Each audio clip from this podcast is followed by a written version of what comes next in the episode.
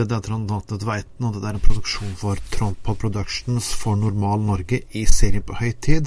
Dette er episode nummer fem. I dag skal vi ta turen til Storbritannia, og vi skal snakke med tidligere politioffiser Neil Woods. Hello, Neil. Hello, how are you? I'm doing great, and you? Yes, good, thank you very much. You are now. We've been all around the world. I've been talking about police officers in United States. I've been talking about Anne Sean, MI5. I've be talking to a man in Belgium, and now we're going back to Britain again, but this time a little different because you have been an undercover cop in the drug war of drugs, haven't you? Yeah, that's right. I did 23 years in the police, and over 14 of those years, I worked undercover for, for much of the time. Yes.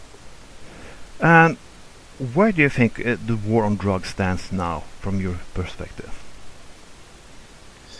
Well, I mean, if I, if I go back to when I started as a police officer, I very much believe this sort of the thing that generally other people believe. I, I remember, I don't know if you uh, perhaps picked up on this in Norway, I don't know, but Nancy Reagan on TV warning everyone that one smoke yeah. would crack cocaine and you'd be addicted for life. You know, I grew up with those kind of messages.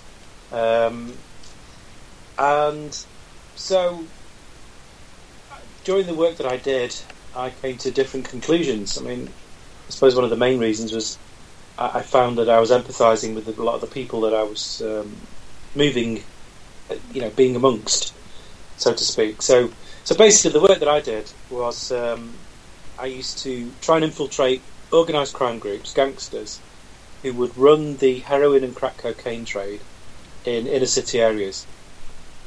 And by doing that, I would sort of generally work from the bottom up uh, initially posing as a user and then sort of working my way up, getting bigger and bigger weights to get to the middle management people. And that, that was the, the basis of it. So um, I, to do this, I would manipulate problematic drug users, befriend them, manipulate them, and, and get eventually persuade them to introduce me to people. But um, meet, meeting some of these people and getting to know them very well, it became clear to me that rather than being criminals, the, these are people who just clearly needed help. And you know, as, as, representative of the state, I was making their life a lot worse. I was putting them at risk. They were getting prison sentences themselves, and you know that that's bad enough. But I mean, I justified doing that at the time because for me, the end justified the means.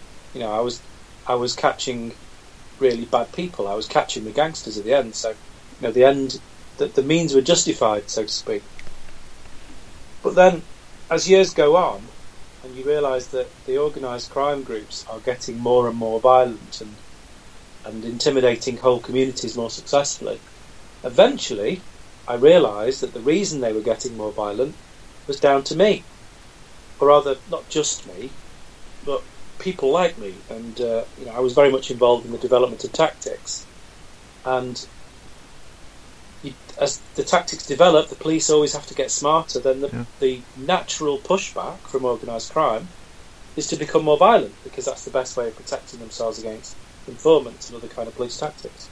So when I realised that, then of course I look back on my career working undercover, and I realised that all of those things that I did, all of those, all the bad things that I did, and the people I put at risk, and the lives that I made more difficult, well, the end didn't justify the means at all. And so, you know, I, I look back on it really, and it's not just futile. I've, I've caused immense harm, and for, for no benefit at all. You provoked people. You, you make one law reveal. You so you make a pro, pro provocation to, to get people to, to commit crime. Is am I right now or? Did I do, I do what? Sorry. No, no. Oh, God, sorry. My English is not very good. Uh, you provoked some people to commit crimes to order to get more criminals. Um.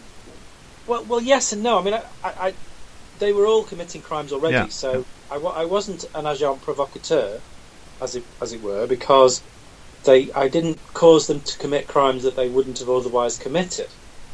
Okay. But I did put them at more risk because you know, uh, over the years, gangsters made it quite clear that if someone was to introduce to them an undercover police officer, then they were going to be in serious trouble. So yeah, I, I was putting them at more risk, and also they were getting prison sentences where they're just trying to survive and, and deal with lives.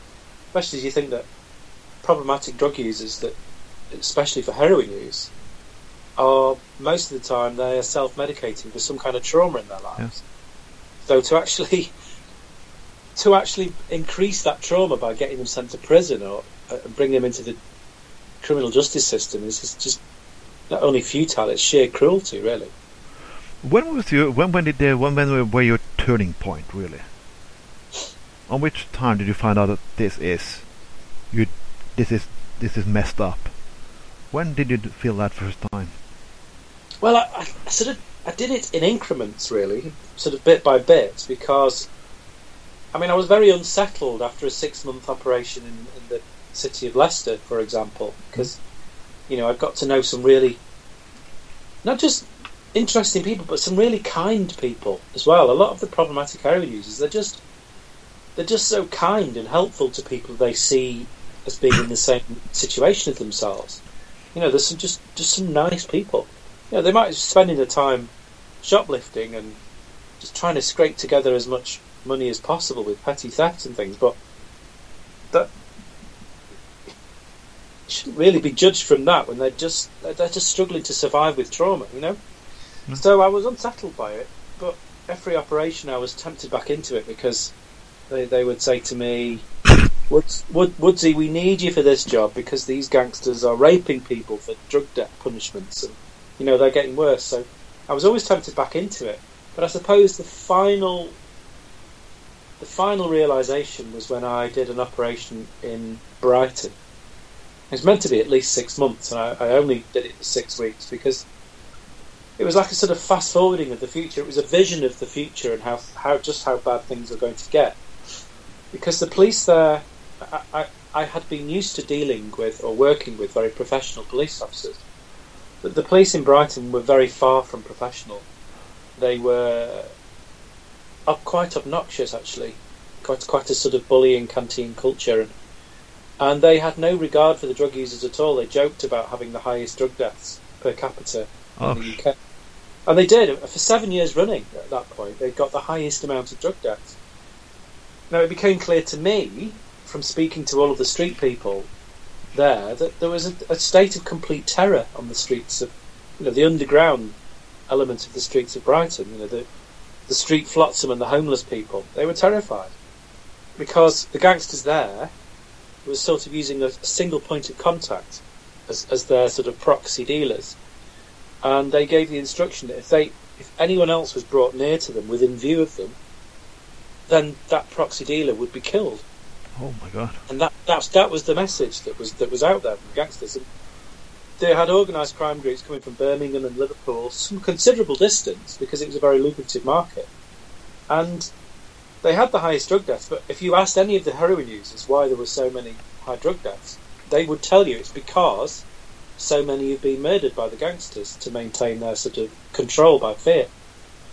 And from my point of view, this was not investigated properly. In fact, they, the police in Brighton that I was dealing with clearly had no care about that in the slightest, which, from my point of view, I, I, I see as um, neglectful. You had a term so, in you had a term in Norway called the Judas dose. Uh, when people, drug people are dying by an overdose, but if somebody else put the overdose, done the needle for them, it's it's like that, or? Yeah, yes, I mean, yeah, that was the suggestion. So that is certainly what a large number of people believed was happening, and that's quite yeah, that's quite an interesting term, Judas dose. Yeah, that's um, a no Oslo term, so it became a national term. It's, it's, it's, awful, but it, but but yes, that's exactly the kind of thing. I mean, I can't I can't say that it definitely was, but but what I can what I can say is that with the high number of deaths, combined with the high number of people who believed that was happening, then that should, in my mind, be investigated very thoroughly. You know, that's sort of I, I, was also a ground cover detective. You know, it's in conventional policing, and I used to be involved in murder investigations. So, to, you know, to, to, my mind and experience, that should have been treated very seriously indeed. But the truth of the matter is that problematic drug users are, are not cared about in the way that other citizens are. And certainly, uh, uh, to make to emphasise that point, here in the UK, we've had three years running. We've had the highest drug deaths on record. Oh, Three years in a row, and that's not prompted any government response uh, or change of policy at all. In fact, only the other day, the government reiterated that it would be sticking to its same policy. So, to me, that only speaks of a lack of care. You know, something something different needs to happen. But but it's the same if the Labour and the Conservatives really on the same page here. Well, the trouble is, I, I, I get the impression it's the same in many countries around the world, but Yeah. here that they've spent a lot of time trying to outdo each other for who can be the toughest on drug policy. Oh god, yeah. Just, be, just because it's easy for sound bites and it plays up to the sort of tabloid press. That we have a very vocal tabloid press here who uh, delight in misinformation in some quarters. Yeah, I read I read the Sun. Yeah, it's a it's amazing newspaper. yeah, It's very far from my reality, but it's a slogan there, you know, I like not like the British press, like it's so on. But you how, cannot. how is the, how is the press there? I mean, obviously, the, the I take it the reputation of the British press has travelled, uh, you know, around. It's, I spoke to people from other countries, and it seems to have that reputation. How is the press there in Norway? Uh, now we have like, uh, God, I, I don't know what the uh, the the press always go in like a flock when it comes to pointing at some people at some time. So some and then they are very f- afraid to take up controversial controversial questions like this. So Right. just so discussing a drug policy like legalization, you if you're for legalization, you just are a, a selfish bastard who like to smoke joints. That is how the Right. media sees here in Norway. They've been there for a very long time. There's some newspapers now who try to open that discussion a little, but uh, it's very difficult. If if you are pro, if you're saying no to prohibition, the police will look at you, and the media will be critical against you. That is how it is in Norway. So it's not a dream situation here. Right. But but you can you've been you cannot be the only police officer in Britain who who see this, who's who's on this page. Are there many people who's afraid to stand forward with with views like you, with views like you? Well, it's interesting because I mean, I left the police in 2012, and I became sort of vocal in the public eye, campaigning for reform quite quickly. And because I was betraying some secrets uh, of covert policing, I was seen as public enemy number one, really, in the covert policing world. I even had a very close friend in the police who was um, who was called into a senior police officer's office and given a lawful order to not have any further contact with me whatsoever, and she Oh. had to delete uh, me from her phone and social media there on the spot. And so she's not even been allowed to tell me that because she would have been disciplined if she had. Now, and that that was designed to get at me. Really, that was that was uh, a, a punishment for me. I, I, would I would suggest, but, ev- but, but everyone sort of disowned me, so I had no contact at all with any of my any people I knew or anyone in, in the police. Interesting, but so that was a couple of years ago. Interestingly, since I published my book in August, which is called Good Cop Bad War, Yeah. um, I've had in- incredible amounts of support from serving police. Loads of people that I knew have sort of befriended me on Facebook, and I've had messages on Twitter. It- Loads and loads of support from from from serving police, and, and serving police who know that they're not meant to have contact with me as well. So I think that's really, really interesting, and uh, hopefully a sign of of uh, things to come. I mean, I, I should perhaps explain that I'm from Leap UK. You obviously know about Yeah, law well, enforcement, uh, yeah. prohibition. Um, so I'm the chairman of Leap UK. We have ex-chief constables. Obviously, you- you've mentioned Annie Machon. She's on our board. Yeah. Uh, we have barristers, magistrates, um, prison officers, prison governors. But they're all retired. We don't have any serving. But I, I hope that perhaps over the next 12 months or so we will start to get more involvement from, from serving police. And very interestingly, we at the moment we've just recently had some support from a police and crime commissioner oh. which I don't know if you have an equivalent for this. It's someone who basically oversees um, what h- how the police should operate and basically sets the priorities for the policing area that he governs. And um, so the, the, there's the PCC called Arfon Jones, for, hmm? who covered North Wales. He's been tweeting in support of us, and he's he's actually been interviewed in his local newspaper, calling for heroin prescription, safe injection facilities, that kind of thing. So, so I mean, you know, that you can't get a more a much higher ranking police person than that in this country, really. So, so yeah, we're getting some interesting support at the moment, and things are things are very distinctly changing. But but why is this debate so hard to take? Because it's like every debate you have pro and contra on every issue there is. But when it comes to drugs and legalization, it's only you're against it or you are like a hippie who like to, to use drugs. Why is the debate so divided in this question? No other debate is like this. Yeah, it's interesting, isn't it? I mean, I, I would to answer that, I would suggest that we need to look at the history of it. I mean, it was always a moral judgment, and a moral judgment and a declaration of war, like like Nixon made, yeah. Um, it relies on misinformation to, to, to perpetuate the the idea of it.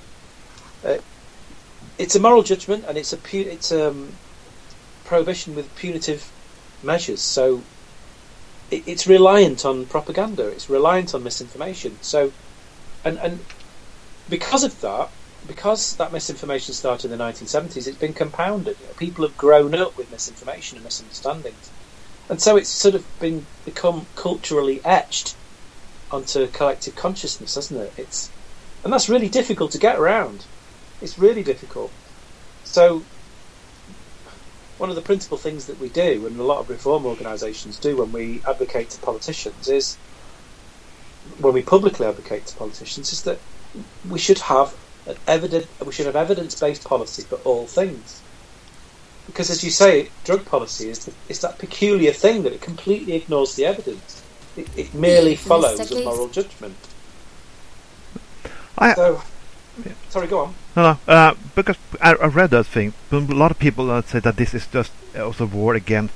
I, I have to use the race issue because in the 20s and 30s it was like they wanted to target black people who smoked cannabis. And even, even um, one of the advisors from Nixon said, yeah, they wanted to target the hippies and other groups like that. Yeah, exactly. And that's only an extension of sort of earlier punitive measures as well. I mean, you look right back in the 30s to Anslinger. It's because he hated Mexicans. He was racist. Yeah. That's why in America they call it marijuana instead of cannabis, even to this day. And it's that, that cultural racism is absolutely written into even the, the language that they use now. But the, the trouble is with uh, policing a moral judgment. So, it, is that so? If you compare asking the police to come to police burglaries and thefts, yeah. the police officer is asked to investigate a burglary. So they follow evidence, they follow the facts, they follow the crime. There's no profiling in that. They're looking at the evidence. They look at intelligence about who's committing the crimes. It's all very clear, and there's no, there's, it doesn't in, invite or invoke racism. However, if you ask police officers, like since the early 70s we did, we have done, go and catch some drug users and drug dealers. It's a moral judgment. So the police officer has to look for who is this immoral person? Who are these people? And so that ekes out of the brain these cultural prejudices, which we all have. You know, we all have cultural prejudice, but it, you know, we're asking our police officers to it, to do this, and it amplifies racism. So that's why in this country, I don't know what the figures like are like uh, where you are, but in the UK, if you are black, you are six times more likely to be stop searched for drugs than you are if you're white. Six times more likely. I mean that that's a horrific figure. But but that's because by asking to police drugs, this moral judgment amplifies and creates racism in our policing. Yeah, in Norway, it's like black people are complaining supposed to get stopped more than anyone else on every issue there is. So black people on a new bike, well, they can be one. When I talked with, have been stopped by the police 10, 15 times. Had to like uh, had to ask the, the bicycle salesman to have uh, evidence to him that he hadn't stolen it. It's like that in the Oslo police. Mm, So- yeah, that, that sounds that sounds familiar. And yes, of course, there is racism in, in policing in a broader sense. But I, but I would still argue that that actually a lot of the cause of that racism is actually our punitive drug laws. But also, to, well, I, I read a, a quote by Jimmy Carter because when he was president, he tried to do something about it. Uh, he, but what what happened? Because uh, in the end of the Carter administration, who, what what happened? Why didn't that come true? Well, I mean, he was only in for four years, wasn't he? Yeah, that's the thing. And and he, he had a lot to do. And near near the end of his presidency, for various various reasons, he, he wasn't actually that popular, was he? Uh, the, he was blamed for the hostage crisis and Yeah. various other things. I think he, he could have been a more a more successful reformer because it's clear that he was he was he believed. You know, he's a very prin- principled man, but I just think he had too much to do. And and by the end of his, you know, I mean, Reagan came in with a, with an enormous wave of support. It was almost a revolution in, in right wing neoliberalism, wasn't it? Really. Well, So yeah, I think with four years in America is, is, a, is not a very long time in politics. I'm afraid. He said, therefore, I, I support legislation amending federal law to eliminate all federal criminal penalties for the possession of up to 28 grams of marijuana. That's one he thinks he would be saying during his presidency. A quote that's not very famous, but I found it. And I, I find it very strange. But Eisenhower always talked about the military industrial complex. Could not talk about the same when it comes to drugs? Because there are a lot of people earning a lot of money to keep those laws today going. Yeah, I mean, yeah, it's an interesting thought. Are, are you suggesting that that? I mean, we often talk at Leap UK. We often talk about how much money is going into the hands of organised crime. So, for example, in the UK, that's seven billion pounds a year. Um, but are, are, are you suggesting that um, there is a, a sort of legitimate business interest in that? That, that, that there's some Well- kind of You know, you, I I think more more like an American term. When you have private prison, they need people to get Oh, incarcerated, and uh, and they're going to keep the the military and police are getting more and more and more weapons to to keep this war going on. And somebody's Yeah. producing those weapons and so on. So it's like I feel it's like like a more like a, a drug uh, military complex, if we're going to call it like that. Yeah, I think in the United States, I think that's an accurate uh, way of looking at it because, of course, the militarization of the police has just been getting worse and worse, hasn't it? And and, and the thing that fuels that sort of escalation is the fact that they have the um, the forfeiture orders, the laws where they, they, they seize money from people who who they, they find, find a, just a gram of cannabis on someone and they can seize seize their assets and, and that actually goes gets churned back into buying more weaponry. So yeah, it's it is as you say, it's a it's an industrial sort of weaponization. It's like a yeah, it's an arms race, and there's no chance Yeah. of de-escalating it, is there? But I mean, that's not. But that does that is specific to the to the United States, I think, because I mean here in the UK, there's no way the UK citizens would ever accept armed police, for example. Um, we have less than two percent of our police actually carry guns, so Yeah, it's semi Norway too. We don't have um, guns on the police. They have it in the car, like they have like special permission to use it and so on. yeah. One thing I, I want to take is, is the, the prison themselves. You put in people who just have have a drug problem. It's like the those prisons like a criminal school. They come in as addicted and go out, out like criminals. That has been a big case discussing in Norway. That they just you make criminals of harder criminals are people who are not hard criminals in the first place.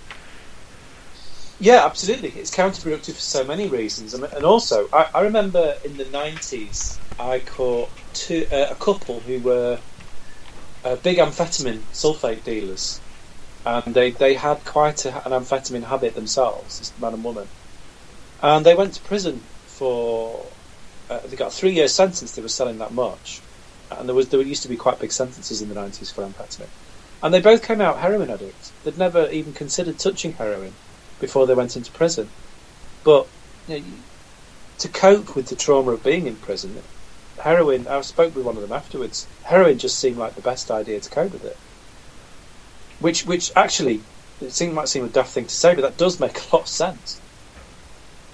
So yeah, it's it's counterproductive when you look at people like that who just made just made their lives much worse and made society far worse. But also, I think every uh, every every debate you have is like based on facts, facts and numbers. I I, I know we have a researcher in in Britain called David Nutt.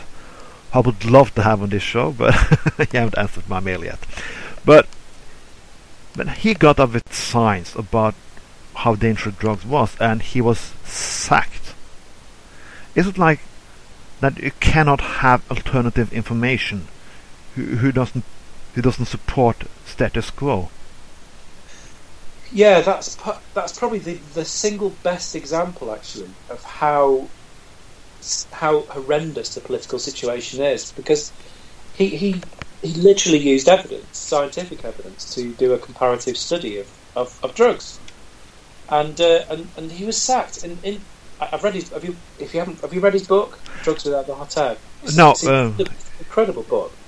In, in, there, he actually says that he had a, a, conversation with the minister who sacked him, and who said, "All I'm doing is comparing harms." And he says, "Yes, but you can't." Com-.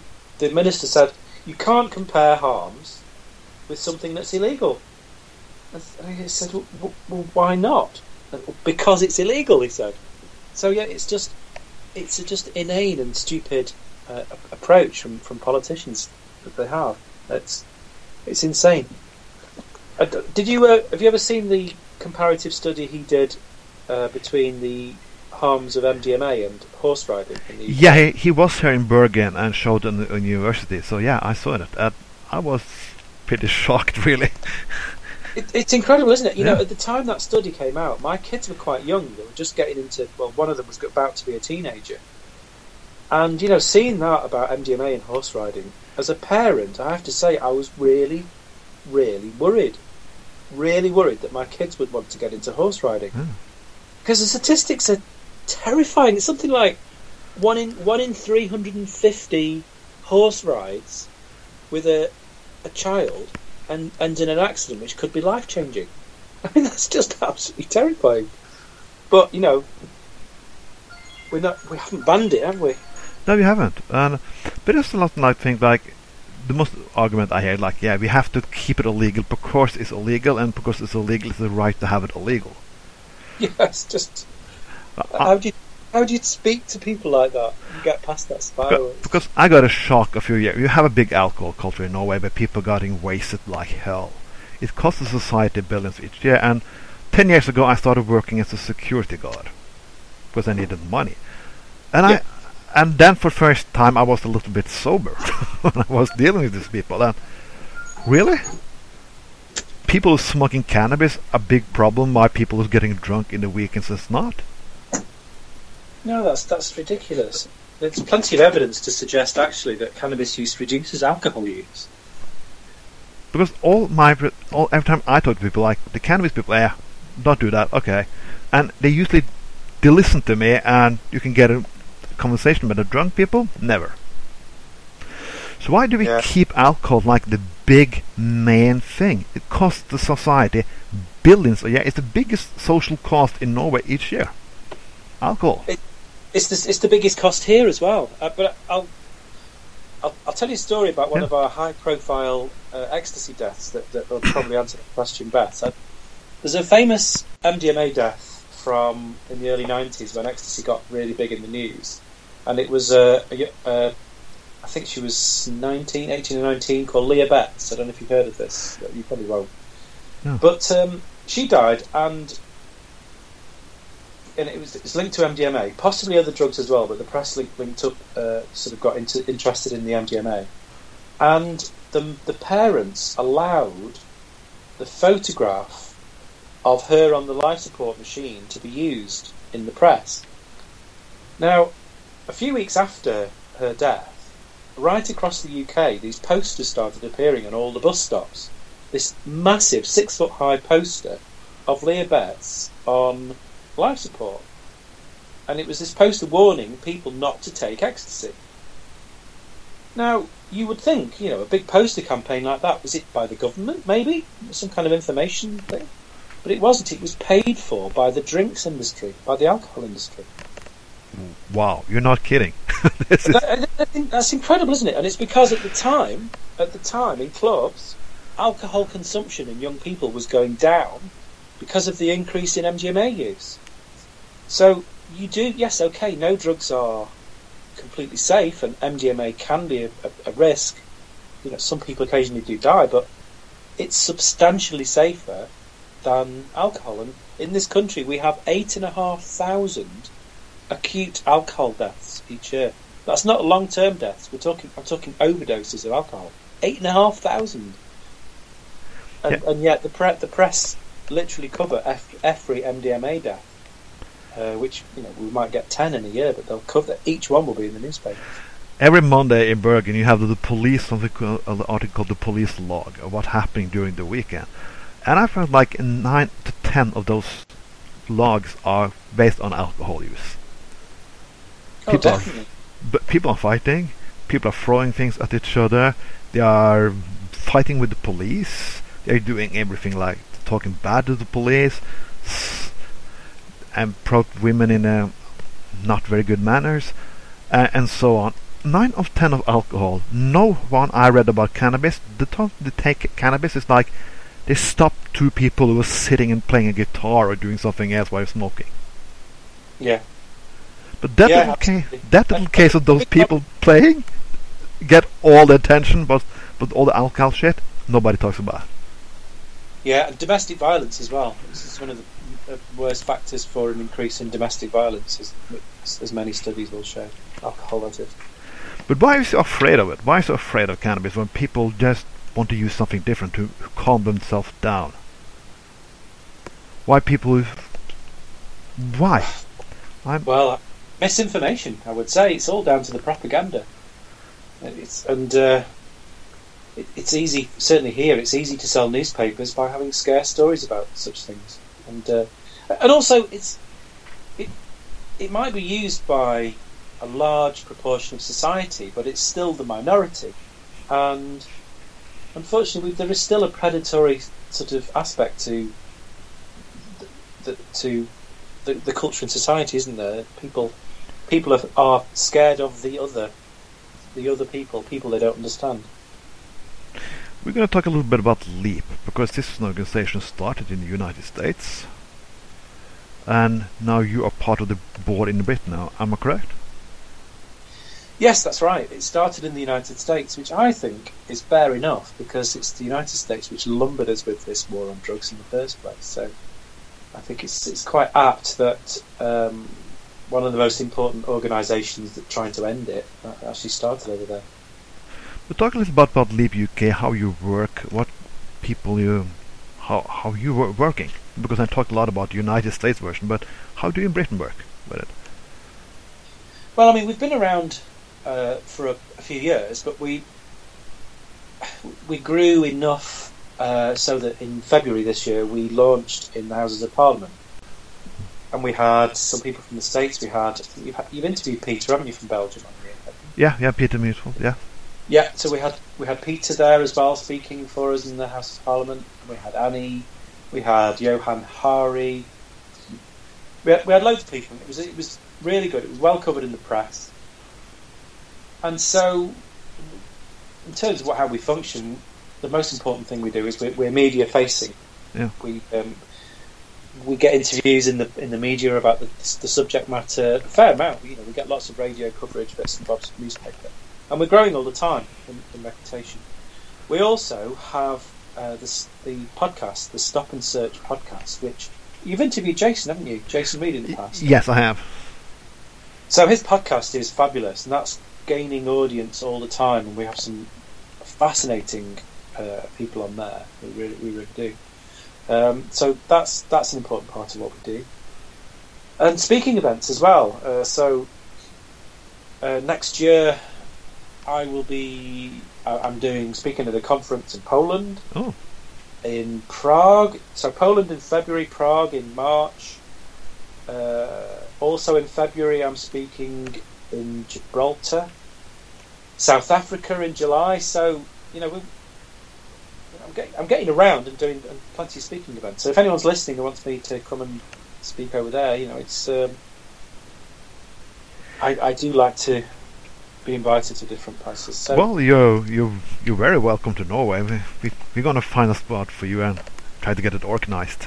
But you know, we are working against. It's like in Norway, a lot of people mean this, but they don't. They're afraid to come forward.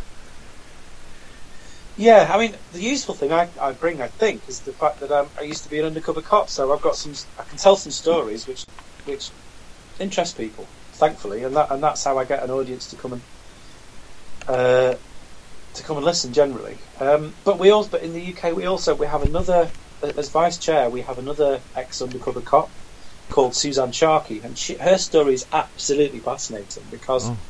she used to, for a couple of years she used to work the same kind of thing as as me, Yeah. but she also was a drug user, and she she lost her job. She ended up having such a such a problem that she ended up getting arrested. She woke up in a police cell a couple of times. She ended up being homeless, and Oh. now she's in recovery. And she's founded this charity called Recovering Justice. But she's also uh, a board member of Leap UK, and she she's a fantastic speaker. So she'll be doing lots of speaking events through through next year. We have uh, ex chief constables as well, and obviously Annie does lots of speaking events around Europe. So yeah, you know our profile is growing, and we've got lots of interesting people to uh, to bring in an audience. So that, that's that's what we're doing in, in the UK. Um, you know, it's just a matter of building profile, and, and Yeah. bit by bit, the more, the more varied places you can speak, then that brings in more social media. It spreads the word, and you know we all we all know we're in it for the long game. It's going to take a long a long time and a lot of hard work to bring about change, but you know this is this is the way you do it. You build your audiences bit by bit. So so yeah. Which countries do you think is going in the right direction now uh, here in Europe? In Europe, I think the most interesting one is Ireland. Yeah. Because there's a, considering they're a very conservative country in uh, in terms of their um, religious Yeah. out. It's fascinating that, in, in, for start, they voted um, by a re- referendum to, to approve gay marriage. Yeah, I remember that. That was that was a That's, and that's incredible because it goes against the doctrine of the traditional ethos of the state. yeah. That was And the old Catholic country where the priests come from, wasn't it? Exactly, exactly. So, and, and there is a there is a parallel with those kind of um, social reforms. I think it's very important. So, and that social movement was very much young people, and so the drug law reforms is very much being driven there by young people active on social media, and and so this has prompted. Uh, a minister to consider safe, well, they are. They are going to bring in safe, safe injection facilities. I think one has opened already. So, and they're talking about heroin assisted treatment. They're talking about decriminalisation. They're probably one of the closest, the next countries to do that.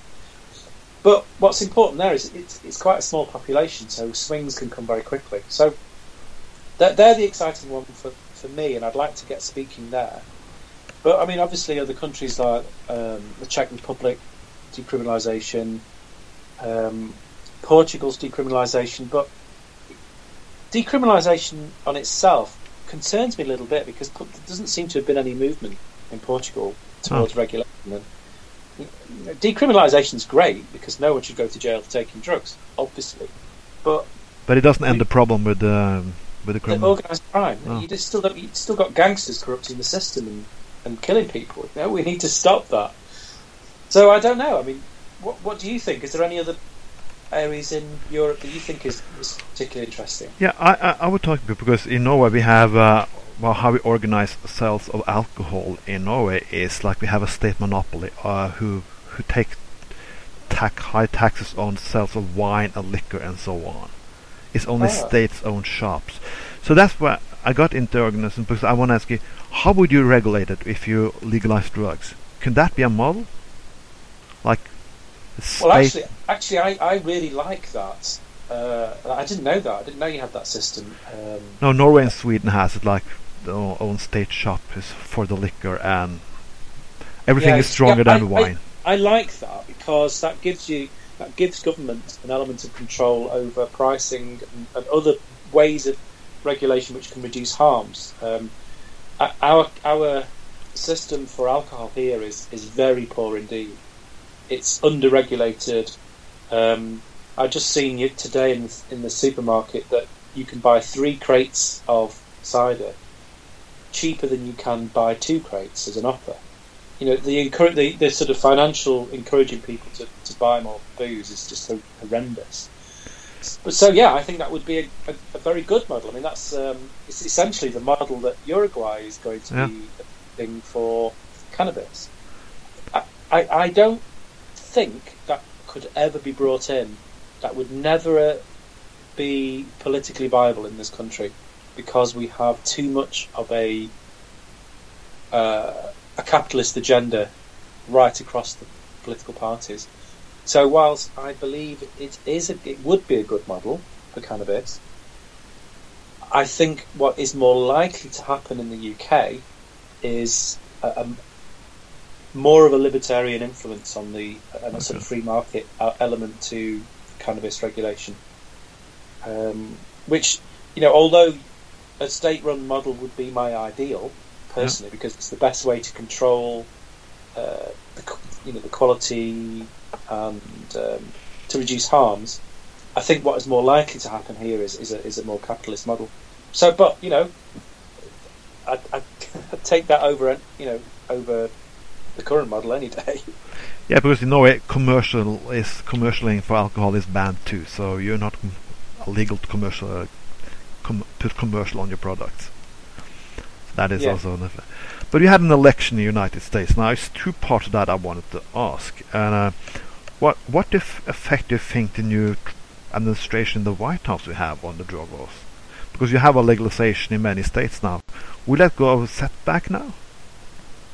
Oh God, yeah, this that is the question, isn't it? I, I really, I really do not know at all. I don't, I, I, see, I think, I don't think anyone knows. I mean, there's plenty of incredibly worrying signs with some of the people that he's appointing um, over there in the states, and they really could do an enormous amount of damage. I mean, for example, if the federal government decided to attack the finances of all of the commercial models or all the people you know, involved in the commercial supply of cannabis in the in the legalized states, they could they could completely wreck um, all of the progress that's been made.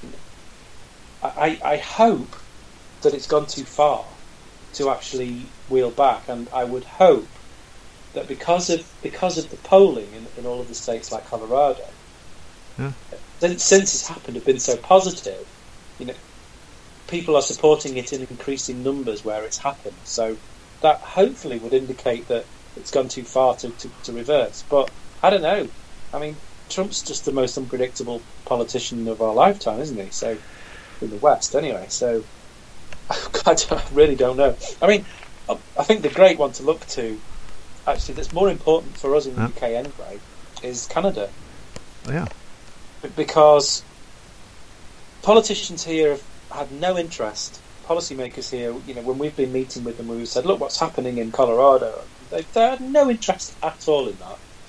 But since Canada vote, voted in Trudeau, we've had different conversations with policymakers. They are they very much have their eye on it, and one of the main reasons for that, of course, is that Justin Trudeau campaigned on it. It was one of his Yeah. major campaign messages, and he won. He came from third place to first place. So that is making our policymakers sit up and take notice. And also, of course, he's being very careful about it. He, it's all about public health and reducing harm. So Yeah. it, that's the one that's going to be a game changer for many governments, I think. And, and, and that's the, the best going to be the best evidence of people like me, you know, whose full time job is doing this. I just have to ask a question. I asked Anna Machon the same because the Trump wall is fascinating. Uh, will the Trump wall stop the drug for coming into the United States? I already know the answer, but I just need to hear it from a police, a former police officer. Oh God! I mean, yeah, if the wall ever happens, to, uh, that it, it, will stop the flow of nothing between the border of Mexico and, and the United States. It's a ridiculous idea. I mean, for good, you can't keep drugs out of prisons. No. A, a, an enormous wall across across the state line uh, uh, between two nations is not going to make the slightest bit of difference. It's uh, no, it's it's a farcical concept, isn't it? It's this this great delusion that's perpetuated that we can actually uh, stop the supply of, of drugs at all in any way. It's like listening to the na- nationalistic people in Norway. One, if you just get rid of all the Pakistanis and foreigners, we will stop drug trade in Norway because they are doing it today. God, yeah. There's the, people need to realise the simple truth about drugs is you cannot reduce the demand. It's that simple. Once once people grasp that, then the rest falls into place. Really. It's like a comedy I saw on TV that you don't have to push drugs; the drug pushes itself. Yeah, yeah, exactly. yeah. But how do you think the world would look like without those narcotic laws? Because you as a police would have a lot of time to do something else. Well, I mean, I, I think we would go through a societal change, and we would have to sort of um, uh, how do you how do you call it? That there would have to be a lot of peacemaking, yeah. because there's been a lot of divisions created in communities, and and uh, there's a lot of damage between communities and policing, and you know those wounds have got to be healed. But you only we can only start to heal them once we end punitive measures for drugs and take, drug policing, end the policing of drugs. But I think just generally, without the constant rhetoric and constant propaganda that uh, and the stigma, because once you end the, the criminalisation, then the stigma will start to end. And then surely as societies will become more caring. If, if, we, if we are less hostile to a group of people and the stigma is reduced, then that's just going to be, be- better for society all round, really. We just are, ju- are jumping a little bit back and forward in this interview, but uh, in Norway we had uh, like it looked like a lot of cases when it comes to domestic violence was was not investigated because we didn't have the time to do so. Wouldn't uh, mm. wouldn't that now did have the same pr- problem in Britain? Would that change with with illegalization of drugs? Well, absolutely, definitely, because actually in the UK, the single biggest cost to policing is actually drugs investigation. It's around seven billion pounds a year. The same same money as that goes into the hands of organised crime. Seven so, billion. Yeah, seven billion. Yeah, we we, we spend oh. more on policing drugs than anything else. It's extremely expensive, and so there's whole policing areas like uh, County Durham have, have, publicly said, and if you heard of Ron he's uh, the PCC for County Durham here. He he's publicly said that we are no longer prioritising cannabis oh, because yeah. the money is best spent elsewhere. Wow! And you know, he didn't actually get as much flack in the newspapers as, as you would expect for that. Oh. Um, and, and also, he's got the results because of all the constabularies. I think there's 43 police areas here, constabularies, and they're all measured. You know how good they are, and they are measured. The measures are um, okay, good, and outstanding. And Durham is the only police area that got outstanding in all measures, and that was after 12 months of that policy where he has been using resources for other things, for things that actually cause social harm, and that includes domestic violence. So, yes, the answer to your question is there is actually clear evidence that where policing goes away from drugs and, and, and the resources go elsewhere, then there is a better outcome for communities. The, the evidence is there. What do you want message uh, in the end? There, what what do you want to say to the Norwegian police? Because I had a we my mem I'm I'm board member in Norm, Norway, and we had some problem because a few months ago I was called up by a police officer who was angry with me because I wrote in the newspapers. So it's a little bit strange here. What do you want to say to the Norwegian police who who feel ag agree with you but not dare to come forward? Yeah, well, I I would say that it, it's very it's very tempting for police to say that they must remain apolitical and just merely uh, do you know carry out the laws of the land in an apolitical way. And for most of the time, that that's correct. But if you have come to the conclusion that the policy in which you are asking to police is actually causing harm, then I- would say please consider that it's your duty to do something about that. And th- so that's the conclusion. It took me a long time to come to the conclusions that I did. I wish I'd come to them earlier. But once having come to those conclusions, I see myself as duty bound to do something about that. Because you know, we go into the police service to uh, we accept duty and we we want to do the right thing. We want to protect people. We want to um, keep the peace. We want to protect people's life and property. You know, that these these are all Yeah. the things the police officer should do. But if you realise that if you are part of a system which is actually harming people, then you know that that's where duty transcends what the law says. I would say. Now I know that's very difficult to actually act on that, but at least you can do is to honestly debate it and honestly raise that conversation because every police officer should realise they are listened to and respected when they say something, and so you, you could you could start a quiet revolution just by Yeah. just by being brave enough to speak out. I would say. Well, Neil Woods are coming out with a book now called b- what it was, Good Cop, Good Bad Cop, Bad War. Good cop, bad war. Yes. You can buy it on Amazon in paper uh, in an audiobook and paperback and everything. I recommend that book for everybody. This was Tron Podcast, Tron Pod Productions. This was fa- very thank you, Neil Woods. Yeah. Thank you very much for having me on. So, till next time, have a good day.